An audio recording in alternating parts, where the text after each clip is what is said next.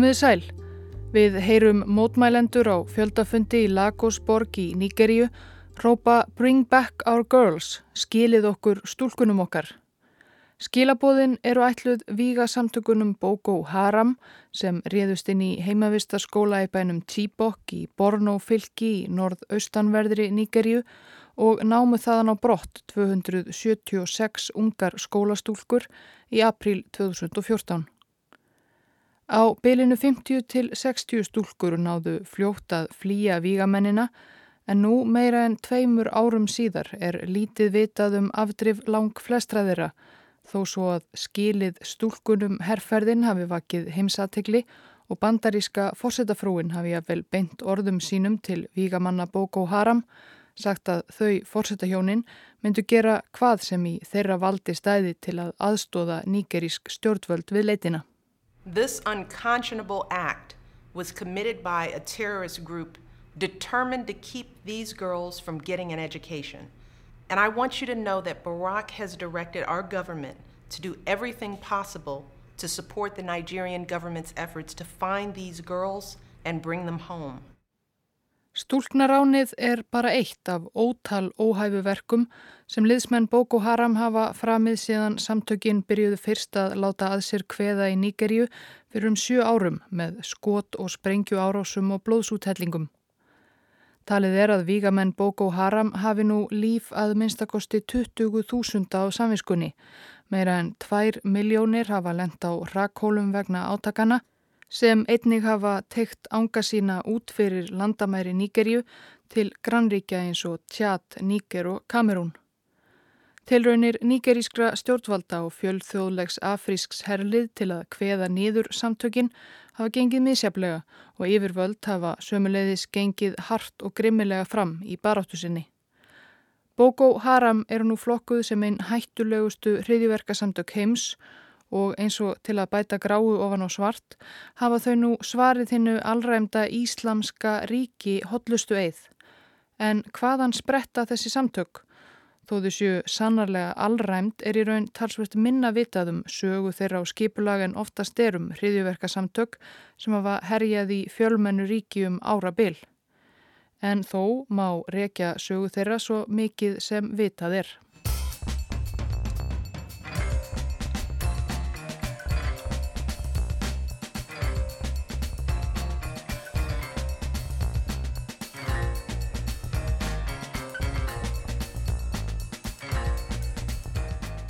Eins og raunin er með fleiri ríki á þessum slóðum er vestur Afrikuríkið Nígeria, tilur þess landamæri og jafnvel sjálft nafnið, allt að mestu uppfinning evróskra nýlenduherra.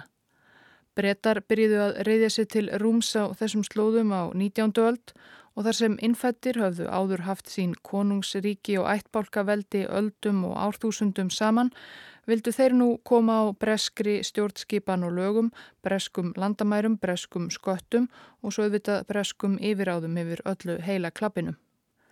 Fyrstum sinn voru þetta tvö bresk verndarsvæði eins og það var kallað, Suður Nígeria við strönd Gíneuflóa og Norður Nígeria upplandið að hluta til Eidimörk. Nígeríunar tvær voru síðan sameinaðar árið 1914 í eina breska Nígeríu, gífurlega stóra, 900 og eitthvað ferkilometra, það er næstum því tvö heil Fraklund, ég eða nýju Íslund. Það voru aðalega praktískar ástæður sem reðu því að verndarsvæðin tvö voru yfirleitt saminuð. Í norður Nígeríu var rostu samara og efnahagurinn miklu verri. Það þótti því fyrir bestu þarna lengst burtu í Lundunum að sameina bara Nígeríunar tvær.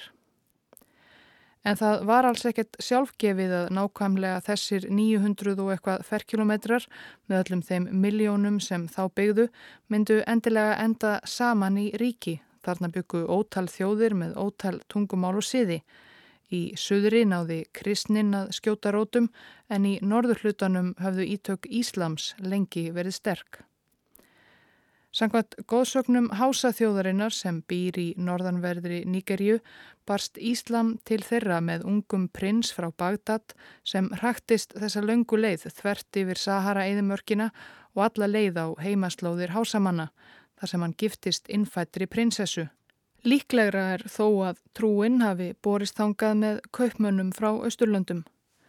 Í norðanverðri Níkeríu risu með tímanum mikil íslömsk veldi.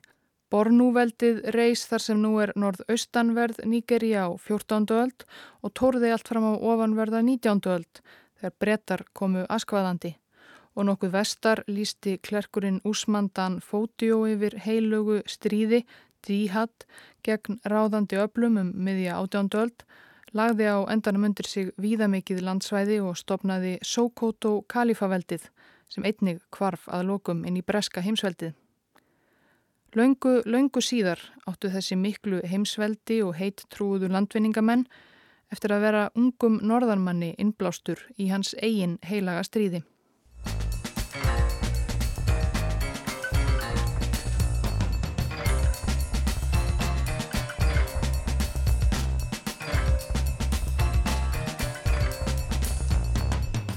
Það var líklega árið 1970 talið er sem drengur sem fekk nafnið Mohamed Yusuf fættist í litlu þorpi Jakúskó hér að í Jóbefylki í norðaustanverðir í Nýgerju, einmitt þar sem Gresjan fer smátt og smátt að gefast upp fyrir sandbreyðum Sahara.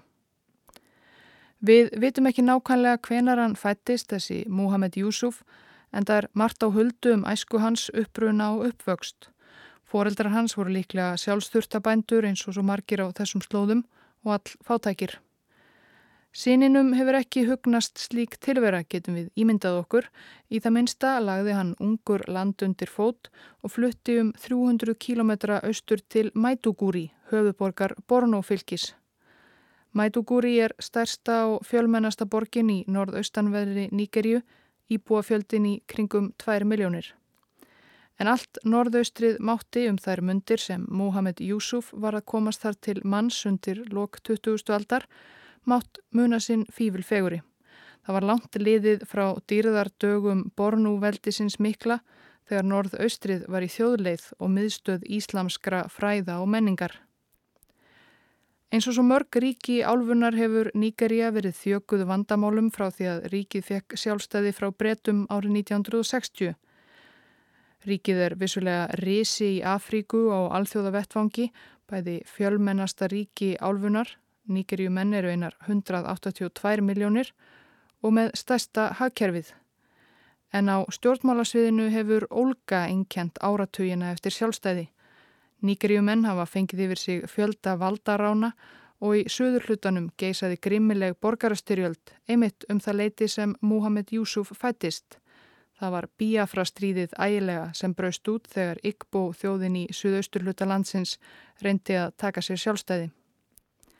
Það tókst raunar ekki en auk bíafrastríðsins hafa ofbeldis öldur oft gengið yfir Níkerju og líðræði staði völdum fótum. Spilling hefur fengið að grassera bæði í viðskiptalífi og stjórnkerfi. Trátt fyrir gríðarlegan ólíuauð er mikil fátækt og sérilagi hafði þegar hér var komið sögu norðaustur hluti landsins helst úr lestinni í samanburði við restina af landinu.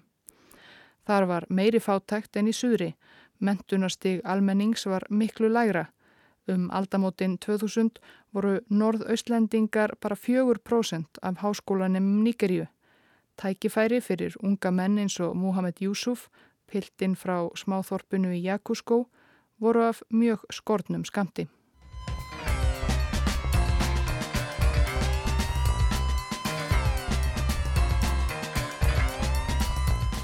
Í Maiduguri fekk Mohamed Yusuf loks inni hjá ríkum kaupsíslumanni sem hafði það fyrir síð að taka fátæka unga menn undir sinn vang og lefa þeim að búa í rúmgóðum húsakinnum sínum. Yusuf gerði sig svo heimakominn hjá kaupsíslumanninum að hann giftist á endanum dóttur hans en Mohamed Yusuf átti reyndar eftir að gifta sig margóft áður en yfir lög. Yusuf sótti ekki skóla en eitti þess meiri tíma í Moskunni. Moskan sem hann sótti var í einu fínasta hverfi Maiduguri og með tilkomumestu byggingum borgarinnar. Skínandi hvít höll með tveimur háum bænaturnum og marmaragólfi. Auðmaður hafði kosta byggingu hennar og látið nefna hana eftir sjálfum sér, Indími Moskan. Það var þar í Indími Moskunni sem Muhammed Yusuf kynntist klerkinum Jafar Mahmud Adam. Sheikh Jafar, eins og hann var kallaður, bjóði borginni Kano, höfuborg samnemnds fylgis, um 500 km vestur af Maiduguri, en kom reglulega þangað til að pretika í Indimi-moskunni. Sheikh Jafar aðþyltist Salaf eða Vahabisma, Það er íhaldsum hreintrúarstefna, markmið hverjar er að snúa Íslamstrú aftur í það sem fylgjendur telja að sé hið upprunalega horf trúarinnar, eins og hún spratt upp úr söndum Arabíu skagans á sjöndöld og uppræta ímsa ósiði sem salafistar vilja meina að almennir muslimar hafi síðan tamið sér. Bóðskapur Seiksins fjall vel í kramið hjá almennum gestum Indími Moskunar sem hrifust af gaggríni hans á ráðandi öfli í samfélaginu og kvartningar orðum um aftur kvarf til horfinnar gullaldar trúarinnar. Meðal þeirra sem hlítu gagnteknir á predikanir Seiksins var bóndasónurinn frá Jakúskó sem svo lítið er vitað um, Mohamed Yusuf. Hann var brátt helsti lærlingur Seiksins og leðtogi meðal ungra fylgismanna hans. En samstarf kennara á lærlings átti reyndar eftir að súrna ansi fljótt. Sheikh Jafar var reyntrúarmadur en hann var líka praktískur og vildi meina að besta leiðin til að koma hugmyndum salafismans að í Níkeríu væri að vinna að því innan þess pólitíska og trúarlega kervis sem þegar fyrirfannst í landinu. Hann var til að mynda ekki mótfallin mentastofnunum að vestrænum síð hafði sjálfur gengið í venjulegan skóla með fram sínu trúarlega námi. En lærlingur hans, Mohamed Yusuf, varð fljótt rótækari en kennarin. Hann hafnaði öllu því sem gætt talist vestræn mentun og átti ekki rætur sínar í Íslamstrú. Vildi ekki að fylgismenn sínir innu fyrir hið opimbera, vildi í raun kollvarpa þessu öllu, öllu nýgeríska ríkinu, afsprengi nýlendustefnunar og koma á trúræði. la yarqubuna fi mu'minin daga cikin aikinsu ba sa tsarewa mumini kowane irin mumini ne illan dangantaka Við heyrum upptöku af predikun Mohameds Júsuf í Mosku í Maiduguri einhver tíman á fyrsta áratug þessar aldar. Þegar hann fór að geta sér fræðar kom í ljósað margar hugmyndir hans voru enn rótækari en hér hefur þegar verið líst. Hann hafnaði ekki bara vestrænu mentakerfi, heldur öllu sem gatt talist afsprengi þess. Þróunarkenningu Darvins, ringrás vatsins. Það stendur jú í kóraninum að Guð hafi skapað regnið, ekki einhver uppgufun. Hann hafnaði því jafnvel að jörðin væri hnöttótt. Akwai dangantaka tsakanin uwa ɗaya sai haifi mu wallahi ba ruwansa inda ya samu dama kashe ka zai. Wa ula'ika humul mu'tadun wannan sune 'yan ta'adda. Stjórnendur Indími-moskunar voru lítið hrifnir af því að þessi eldklerkur sem átti auðvelt með að hrífa með sér fólk, sérlega yngri kynsluðina, pretikaði í sölum þeirra. Fyrst reyndi þeirra að sannfæra Júsuf um að milda orð sín. En þegar hann gaf sig ekki, ráku þeirra hann úr moskunni, bönnuðu honum að breyða út rótækan bóðskapsinn þar meir. Það var líklega um 2003. Um svipa leiti var Júsúf eitthvað viðriðin annan hóp ofstækisfullra ungmenna sem sló upp tjaldbúðum í afskektri sveiti í Jóbefylki til að líka eftir flótta Múhammed Spámans frá Mekka til Medina og yfka sína ströngu trú ó á reitt. Ungmennin, kannski á að giska 60 manns, voru friðsum til að byrja með en fljótlega kom til ágreinings millir þeirra og innfættra þarna í sveitinni um fiskveiði í tjörn í nágreininu. Þegar hinn trúuðu ungmenni gáfu sig ekki, kölluðu innfættir til lauruglu og nokkur ungmenni voru handtekinn. Þau sem eftir stóðu ákvaðu að hefna sín. Á gamlársdag 2003 réðust ungmennin á lauruglustöðvar í nákrenninu, hafðu þaðan með sér Kalasnikov, rifla og fleiri vopn sem þau notuðu svo til að halda ofbeldinu gangandi í fjóra daga og fleiri árásir fyldu á árinu 2004. Mohamed Yusuf var ítrekkað yfirherður af lauruglu grunaður um tengsl við þessa öfgaföllu ungu menn sem gengur berserskanga á hverri lauruglustöðunni á fætur annari. En hann helt ætið fram sakleysi sínu og enn í dag er óvíst hvaða þátt hann átti í árásunum 2003 og 2004 ef þá nokkurn. En þetta voru róstusamir tímar og greinilegt að menn með öfgafulla og oft á tíðum ofbeldisfulla tólkun á Íslamstrú voru að sækja í sig veðrið í norðanverðri Níkerju. Þeirra á meðal var Muhammed Yusuf sem eftir að hafa verið rekin úr henni marmara þögtu Indimi Mosku í Maiduguri stopnaði sitt eigið bænahús og trúarlegan skóla í öllu gráleitari steinsteipubyggingu í fátækara hverfi borgarinnar og þaðan átti hann eftir að láta til sín taka sannarlega og svo enginn vafi leka á hver og hverjir voru þá að verki.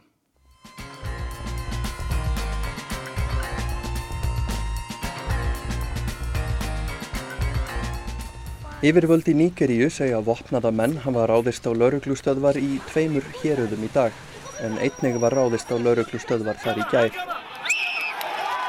Um 50 letu lífið í gær og fréttamaður Breska ríkisútvarpsins sem er statur í Bornó héræði í norður hluta Níkeríu segist hafa séð um hundrað lík til viðbótar á gödunum þar í dag. Íslenskir sjómasáhorvendur kynntust fylgismönnum Mohameds Yusuf fyrst í kvöldfréttum þann 27. júli árið 2009 með myndum af illa útleiknum líkum, særðum og blóðugum fornarlömpum og veinandi ættingum hinn að föllnu. Fylgismenn eldklerksins frá Jakúskó hafðu þá gengið undir ýmsum nöfnum síðustu árin. Í Mætugúri og nákrenni þar sem þeir heldu til voru þeir stundum kallaðir nýgerísku talibanarnir, oftast þeim til háðungar, þó þessi nafngift hafi einnig ratað í frettir erlendra fjölmiðla. Nafnið Boko Haram völdu þeir sér ekki heldur sjálfur. Það var einnig fundið upp af utanað komandi og náði útbreyðslu í fjölmiðlum. Nafnið er einhvers konar tilrönd til að útskýra stefnu þessa félagskapar og leðtoga hans Mohameds Yusuf. Orðið Boko á hásatungumálinu sem útbreyttir í norðanverðir Nígeríu þýðir eitthvað í líkingu við fals og er oft notað af andstæðingum vestrætnar menningar og mentunar. Það er ekkert nema falsmenning og falsmentun. Haram er svo upprunnið úr arabísku og þýðir bannað eða forbóðið. Vestræn mentun er bönnuð, gæti nafnið því útlagst. Sjálfur sættu Mohamed Yusuf og fylgismenn hans sig aldrei við þessa nafngift, en það völdu þeir hana ekki sjálfur. Sjálfkjörið nafn þeirra er arabísk langlóka, sem á íslensku geti útlagst samtök fólks sem hefur helgað sig kennisetningum spámannsins um trúbóð og djihad, það er heilagt stríð. En allt svo við þekkjum þá sem Boko Haram. Vestrænt mentakerfi var þó ekki það eina sem Júsuf hataðist út í. Þrumuræðum sínum beindi hann spjótum sínum líka að herra þjóðinni gömlu brettum sem hann sagði hafa þröngvað óíslömskum lifnaðarháttum upp á nýgeríska múslima með sínu vestræna líðræði og dómskerfi. Hann gaggrindi líka innfætta leðtoga, spillingu þeirra og auðsöfnun á kostnað fátækrar alþýðu. Hann vildi kollvarpa öllu þessu gjörspilta kerfi og skapa sangjarnara samfélag byggt á kennisetningum Íslams. Með þessum boðskap átti Júsuf auðvelt með að hrífa fólk með sér og afla sér fylgismanna, sérstaklega unga fátæka kartmenn sem viðblöstu fá ef nokkur tækifæri til að geta skapað sér betra lífi í framtíðinni, fátt nema vonleysi. Talið er að árið 2009 hafi Júsuf verið komin með um fjögur þúsund fylgismenn. Sangvænt skýrslu sem nýgerísk yfirvöld letu þá gera um þennan sístækandi söpnuð var lungi þeirra ár röðum atvinnuleysra ungmenna, aukumanna leigumóturhjóla og eiturlefja fíkla. Og eftir því sem fylgjendahópurinn stækkaði, urðu predikanir Júsúfs herskári. Hann fór að hvetja til ofbeldisfulls andofs gegn nýgerískum stjórnvöldum og lagði að fylgismönnum sínum að búa sig undir það versta. Að vekja hjá okkur óta, handtaka ykkur, drepa ykkur eða aðra, kveikja ykkur öllum, varpa táragasi, Sama hvað stjórnvöld gera má það ekki fá ykkur til að yfirgefa trúna. Ég sver til Guðs að þau munu gera þetta. Þau gera þetta allstaðar annar staðar. Dag einn eigið eftir að sjá leiðtóða ykkar sæta pyntingum. Ég veit að svona á eftir að fara fyrir okkur. Ég veit líka að þetta verður ekki niðurlæng heldur prófurun frá Guði. Þetta er einn íslamski vegur og án þessa vaknar fólk ekki til vitundar.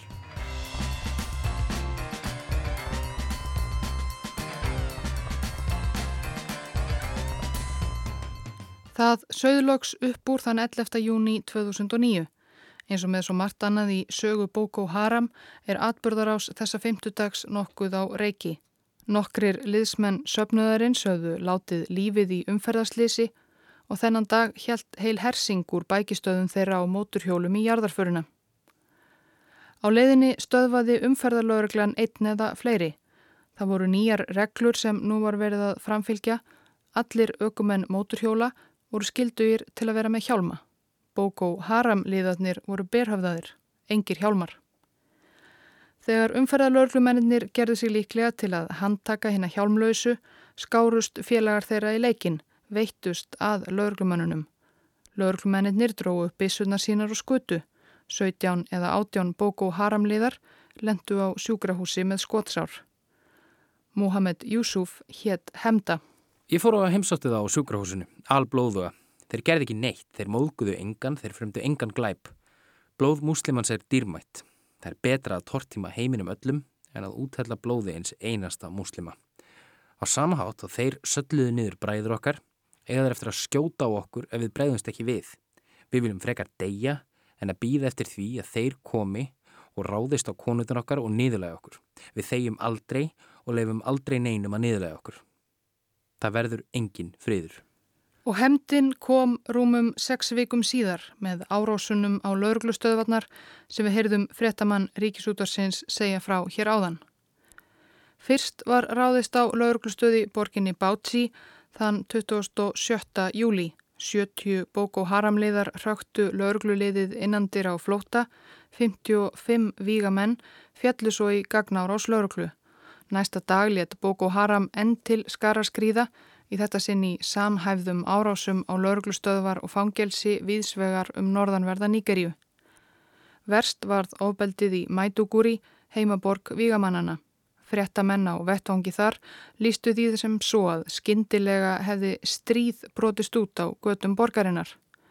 Aðrir sögðu ástandið, ofbeldið og blóðið helvíti líkast. Almennir borgarar lögðu á flótta undan skotbardugum á götumúti og kristnir borgarbúar leituðu skjóls í herstöðum af ótta við það að verða sérstaklega fyrir barðinu á afgamönnunum. Vígamenn Boko Haram voru frekar ítla vopnum búnir til að byrja með en í árásum sínum á lauruglustöðvarnar urðu þeir sér úti um fleiri og betri vopn og gáttu þannig haldið ofbeldis svallinu gangandi dag eftir dag með sífælt meiri blóðsúthellingum af sífælt meiri heift. Og ekki er hægt að segja að viðbröð nýgerískra yfirvalda hafi einkennst af mikilli yfirvegun. Þann 28. júli réðust hér og laurugla og bækistöðvar Boko Haram, moskuna sem Mohamed Yusuf hafði byggt í útjæðri Mætugúri. Seks skriðdrekar og fimm brinnvarðir trukkar þjættsetnir hermönum fóru af stað, liðs styrkur hafi verið kallaðar út úr nálægum borgum. Og Moskan, þar sem fjöldi fylgismanna Júsúfs helt til, var lögð bókstaflega í rúst. Sankvæmt frásögnum bladamanna og vettfangi nótuðu hermennir sprengjuvörpur til að leggja Moskuna algjörlega í rúst, svo ekki stóð steitni við steini og líkin hrönnuðust upp. Í kjölfarið voru svo ungir menn í nákrenninu sem voru svo mikið sem grunaðir um að tengjast Boko Haram og slíkur grunur var oft ekki reistur á sterkari rökum en að viðkomandi væri skeggjaður, teknir höndum eða bara skotnir strax út á götu í höfuðið af stuttu færi.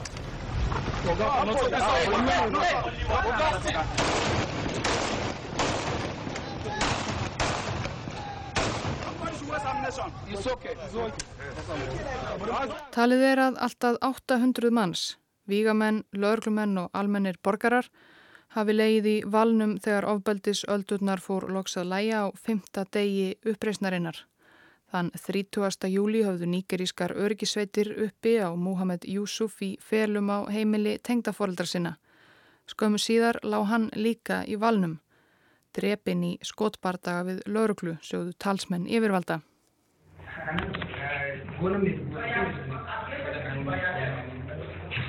jiya mun je gidanka mun ga dabbobi da yawa mun ga allurai da kayan da kuke hada Það kom þó fljótt í ljós að það stóðst ekki.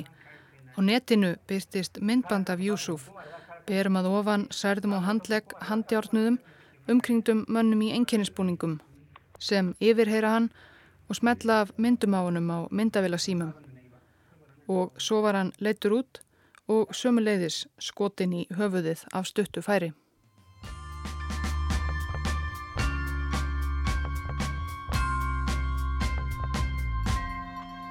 Í meira en ár stóðu rústir Moskvu Boko Haram og hreyfðar í útjæðri Mænduguri. Laurglumenn stóðu vörðum mölbrotna steipustólpana svo vegfærendur væri ekki eitthvað nýsastar í óleifi en að öðru leiti var engu breytt frá því að skriðdrekar nýgeríska hersins rúluðu þar yfir. Ef vel var að gáðmátti lengi vel sjá innanstokksmunni liggja eins og ráfiði innan um rústinnar, mölbrotin, borðbúnað, potta og pönnur og kveikjandi ámenningar um blóðið sem þarna hafi verið úthelt. Og allstaðar í kringum rústirnar gekk lífið í Mætuguri aftur sinn vana gang. Geitur ráfuðu um og konur og börn hjóluðu framhjá og leið til markaðarins. Það var eins og Boko Haram hefði einfallega horfið af yfirborði jarðar þegar leiðtói þeirra og stopnandi var tekin af lífi fyrir utan lauruglustöðuna í Mætuguri 30. júli 2009. En Boko Haram hafði ekki horfið. Það fór að verða ljóst þegar leið á árið 2010. Samtökin höfðu einfallega haft hægt um sig um tíma, sapnað kröftum, en nú voru þau á leið aftur upp á yfirborðið. Aftur varð skotmarkið Bátsi, borgin þar sem uppreist Njúsús og fylgismanna hans hafði hafist með árásum á lauruglustöð fyrir meira en ári. Í þetta sinn var það fangelsi Það var á þriðutaskvöldi í september undir lok helga mánaðarins Ramadan sem hópur manna vopnaður kalasnikofri, flum og heimagerðum sprengjum braut sér leiðin í fangelsið í Bátsi, rópaði trúarleg slagorð og frelsaði meira en 700 fanga. Þaraf var á annað hundrað liðsmanna Boko Haram og það var greinilegt að frelsun þeirra hafi verið markmið árásarinnar. Það var líka greinilegt að Boko Haram var því ekki bara enn til en starfandi heldur ætluðu samtökin aftur að fara að láta til sín taka. Næstu vikur og mánuði drápu liðsmenn Boko Haram fjölda pólitíkusa, klerka og áhrifamanna sem misbuðu þeim af einhverjum ástöðum viðsvegarum norðanverða Nýgerju. Þeir frömdu líka fjölda bankarána, vafa lítið til að abla fjár til að kaupa vopn og stríðstól. Eitthvað var í bígerð. En Muhammed Yusuf var fallin og hver fór þá einlega fyrir þessum voðalegu samtökum og stóð fyrir endurresninni. Í upphafi var óljóst hver væri nú einlega við stjórnvölinn en nýr leðtogi gaf sig loks fram í myndskeiði á netinu. Ya kuffar, ya kuffaru Nigeria, wal munafiqun, wa'alamu ya kuffaru dunya, Þegar Abu Bakar Seká byrtist á tölvuskjánum hjá nýgerískum lauruglu og hermönum örðu margir endar all undrandi. Því lengi hafðu yfirvöld staðið þeirri trú að Seká sem var einn nánasti undirmaður Muhammeds Júsuf hefði fallið í bardugum þarna í uppreysnin í júli 2009. En þarna var hann kominn greinilega enn á lífi. Son kuli Queen Elizabeth ba zai kashe ni ba, son arnan duniya ba zai kashe ni ba, balle Jonathan Jela balle Kashim Tsinke balle Bura-Bura Majina Þetta var í fyrsta en ekki í síðasta sinn sem Abu Bakar Shekhá var talin af en dúkaði svo síðar upp sprell levandi. Það hefur gerst ítrekkað síðan. Það er enda kannski ekki að undra að það geti verið á reiki hvort að Abu Bakar Shekhá sé yfirleitt lífsiða liðin því það er afar fátt sem vitað er með vissum hann og lífslaup hans.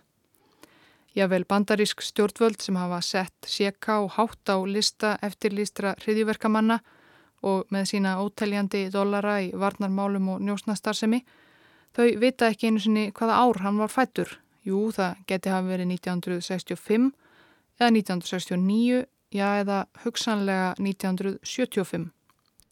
Og hugsanlega bendir nafnans til þess að hann eigi ættir að rekja til Séká, smáþorps í Jóbefylki Annars er lítið vitaðum þennan mann sem þó fer fyrir einum allræmdustu hriðiverkasamtökum heims. Þó hann gefi sjálfur frá sér ávörp og áróðursmyndbönd í tíma og ótíma lítið á þeim að græða, allavega hvað hans persónlegu sögu og hægi varðar. Þó að Sjeká fari sannarlega oft um víðan völl í ávörpum sínum, raunar svo mjög að menn hafa dreyði ef að hann sé við fulla andlega helsu.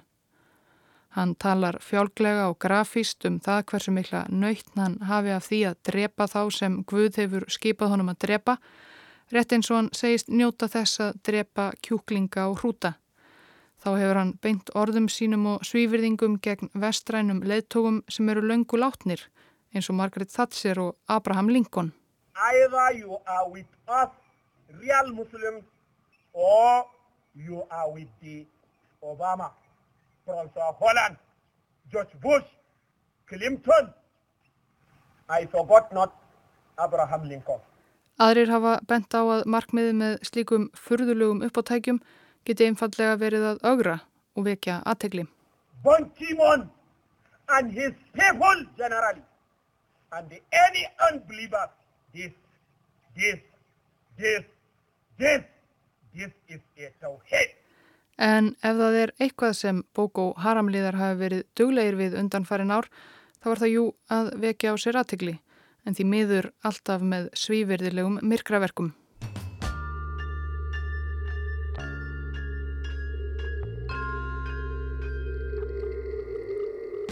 Aðfangadagur Jóla 2010. Í Jós eins og flestum nýgerískum borgum var fólki í óða önnað undirbúa hátíðahöld næstu daga, jólinn og nýjárið. Jós er höfðborg platófylgis í miðri Níkerju, heimili næri miljónar manna, bæði muslima og kristina. Það hefur komið til blóðugra átaka mill þessara tvekja trúarhópa í Jós, þó yfirleitt sé tilefnið frekar deilur um landaregnir, beitiland eða nautgripi en einhvers konar djúbstæður trúarlegur ágreiningur. Þegar þarna var komið sögu hafði síðast sóðið upp úr fyrra á árunni 2010 í mars. Þá lágu nokkri töyir borgarbúa í valnum. En nú var komin aðfangadagur og eins og fyrir segir voru flestir borgarbúar með hugan við annað en átök og ofbeldi. Þeir kristnu fóru í kirkju, aðrir flyktust á markað borgarinnar til að kaupa það síðasta sem þurfti til hátíðahaldana. Og svo sprungu sprengjurnar. Öflugar sprengjur sjö talsins. Þaraf hafði að minnstakosti einni verið komið fyrir á fjölförnum markaðnum þar sem jólaverslunin var í fullum gangi. Töyir almennra borgara fjallu. Þetta var fyrsta sprengju árás Boko Haram og viku síðar á gamláskvöld sprakk svo sprengja í höfuborginni Abuja á vinsælu útisvæði þar sem borgarbúar söpnuðust gerðnan saman sent á kvöldin grilluðu fisk, drukku bjór og hörðu upp í stjörnubertan himinin. Aftur letu óbreyttir borgarar lífið og særðust. Og þetta var bara byrjunin á herrferð Boko Haram. Nokkrum mánuðum síðar beittu vígamenn samtakana í fyrsta sinn nýri og ógnvænlegri taktík sjálfsmórsprengju árásum og síðan þá hafa sjálfsmórsprengjumenn Boko Haram ráðist á ótal skotmörk viðsvegarum Níkerju á lauruglustöðvar og kirkjur, á rítstjórnarskrifstofur dagblada og höfuðstöðvar saminuðu þjóðana. Þeir ráðast á lauruglumenn og hermenn á kristna meðborgara sína og á aðra múslima sem aðhyllast ekki þeirra eigin ströngu og herskáu tólkun á trúni og það á auðvitað við um lang, lang flesta af þeim 20 miljónum múslima sem búa í Nýgeríu. Nú mörgum árum síðar eru fréttir af óöldinni óneitanlega farnar að renna saman í eitt í ljósmakamilum. Óttast er að margir týjir hafi farist í mikillir sprengingu í gangfræðaskóla í norðustu Nýgaríu í morgun. Að minnstakosti 64 letu lífið og 126 særðust í árás á aðalmoskuna í borginni Kano í norðurhutta Nýgaríu í dag. Að minnstakosti 13 letu lífið og 34 særðust í dag í skot árás á kennaraskóla í norðurhutta Nýgaríu. Engin hefur líst ódæðin á hendur sér en grunu beindist strax að Boko Haram samtökum herskara íslamistar. Íslamistar eru nú sæðir hafa herrtekið 20 tugi bæja og þorpa í norður Nýgaríu og tekið fjölda barna sem nótuðu séu sem barnaherrmenn og fjölda ungra kvenna sem neftar séu kynlífstrælkun. Og svo framvegis, og svo framvegis. Eftir samhæfðar sprengju ára sér á jóladagsguðsjónustur í þremur borgum í norðanverðir í Nýgeri árið 2011 sem töyir týndu lífi setti Goodluck Jonathan, þáverandi Nýgerju fórseti, neyðarlög á þeim svæðum í norðri þar sem Boko Haram hafði sig hvað mest í frammi. Síðan hafa herir annara ríkja, Kamerún, Tjad, Benín og Níker líka blandað sér í stríðið gegn Boko Haram. Og eins og fyrir segir hafa níkerísk stjórnvöld líka gengið hart fram í baráttu sinni við samtökin og níkerískar her- og lörglsveitir verið sagaðar um fjölda mannrettindabróta og óhæfiverka baráttu sinni við vígamennina. Níkerísk stjórnvöld lýsa því nú reglulega yfir að nú séu þau alveg að fara að gjör sigra vígasveitir Boko Haram En rétt eins og leðtóin Abu Bakar Sjeká sprettur alltaf upp á ný þegar hann er sagður vera látin, þá verðist það aldrei standast því ekki líður á löngu þar til samtökin fremja nýtt voðaverk eða ný yfirlýsing kemur frá tíðum Sjeká og blóðið heldur áfram að renna.